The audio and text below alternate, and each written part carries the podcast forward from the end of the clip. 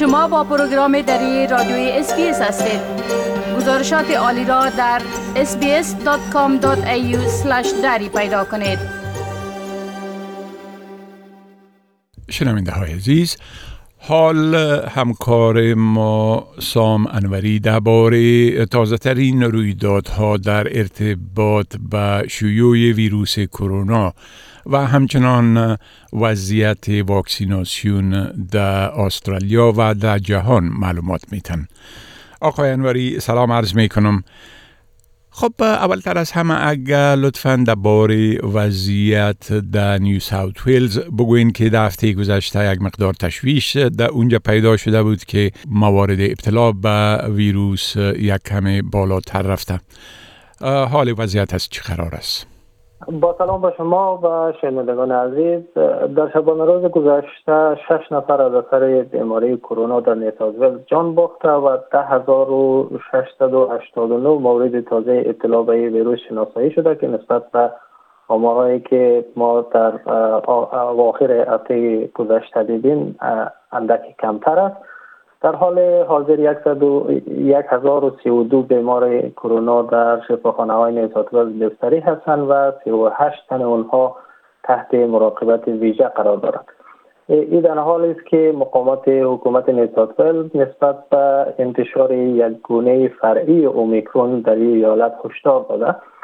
داده های اولیه از دانشگاه نیوساتویل نشان میتن که در صورت پا گرفتن گونه BA2 یا BA2 اومیکرون آمار روزانه مبتلایان می‌تونه که طی چهار تا شش هفته آینده حتی دو برابر شود. با این حال براد هازارد وزیر صحت نیسات ویلز میگه که حکومت قصد برای معرفی دوباره قرنطینه های همگانی و منع فعالیت های اجتماعی نداره اما باید مردم خواست که موارد احتیاطی کووید 19 را از یاد نبرند و در صورت امکان ماسک بپوشند دستهایشان را تمیز نگه دارند و در صورت بروز هر گونه علایم سر کار نرند و آزمایش بدن. گونه بی توی اومیکرون قدرت سرایت خیلی بیشتر از گونه اصلی اومیکرون داره اما ضرورتا باعثی مریضی شدیدتر نمیشه بله. خب وضعیت در ویکتوریا چطور است؟ در شبانه روز گذشته چهار نفر از اثر بیماری کرونا در ویکتوریا جان دادند و 7460 مورد جدید اطلاع به این ویروس شناسایی شده در حال حاضر از مجموع بیش از 40 هزار نفر مبتلا به کووید 19 در ویکتوریا 197 نفر در شفاخانه ها بستری هستند و 24 نفر آنها تحت مراقبت شدید قرار دارند. در همین حال حکومت ویکتوریا روز دوشنبه از ارائه 150 هزار کوپون تازه و کسانی خبر داد که برای گردش و سیاحت به شهر ملبورن یا سایر شهرهای ویکتوریا سفر می‌کنند. ده هزار تا از این کوپن ها, کوپن ها از امروز سهشنبه 15 مارچ در, در دسترس افراد قرار داده میشن که کارت سالمندان یا کارت تخفیف سالمندان دارد سپس از تاریخ 23 مارچ 140 هزار کوپون دیگر در دسترس عموم مردم قرار داده میشه. برنامه ارائه 150 هزار کوپون جدید که 30 میلیون دلار هزینه برمیداره بخشی از بسته محرک اقتصادی 200 میلیون دلاری حکومت ویکتوریا که برای رونق بخشیدن دوباره به کسب و کارهای سکتور گردشگری و مهمانداری طراحی شده. تحت این برنامه کسانی که حداقل 400 دلار را صرف کرایه هتل یا مسافرخانه یا سایر فعالیت های توریستی می‌کنند می‌تونن که بخشی از این پول خود را از حکومت پس بگیرند. این کوپون ها از تاریخ 8 اپریل تا 27 می اعتبار خواهد داشتند. بله.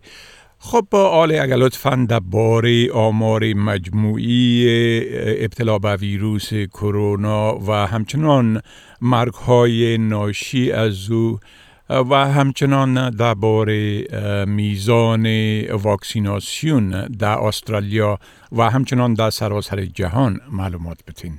بله مجموع مبتلایان کووید 19 در استرالیا به بیش از 3 میلیون و 216 هزار نفر و شمار قربانیانش هم به 5591 نفر رسیده. استرالیا تا فعلا از بیش از 55 میلیون و 149 هزار دوز واکسن کرونا تطبیق کرده. در مجموع بیش از 86 درصد استرالیایی ها تحت پوشش برنامه واکسیناسیون قرار گرفته که شامل 47.5 درصد واکسیناسیون سه دوزه 80.6 درصد واکسیناسیون دو دوزه و نزدیک به 6 درصد واکسیناسیون یک دوزه میشه. قلمرو پایتخت استرالیا با داشتن بیشترین کوشش در صدر فهرست و قلمرو شمالی با داشتن کمترین کوشش در قهر فهرست کشوری قرار دارند آمار کلی مبتلایان کرونا در سراسر جهان به بیش از 458 میلیون و 940 هزار نفر و شمار قربانیانش هم به بالای 6 میلیون و 44 هزار نفر رسیده همچنین تا اکنون بیش از 10 میلیارد و 706 میلیون دوز واکسن کرونا در سراسر جهان تطبیق شده بله خب بسیار تشکر آقای انوری از این معلوماتتان و فعلا شما را به خدا می سپارم و روز خوش برتان آرزو می کنم. تشکر از شما خدا نگهدار. می خواهید این گناه گزارش ها را بیشتر بشنوید؟ با این گزارشات از طریق Apple Podcast، Google Podcast، Spotify و یا هر جایی که پادکاستتان را می گیرید گوش دهید.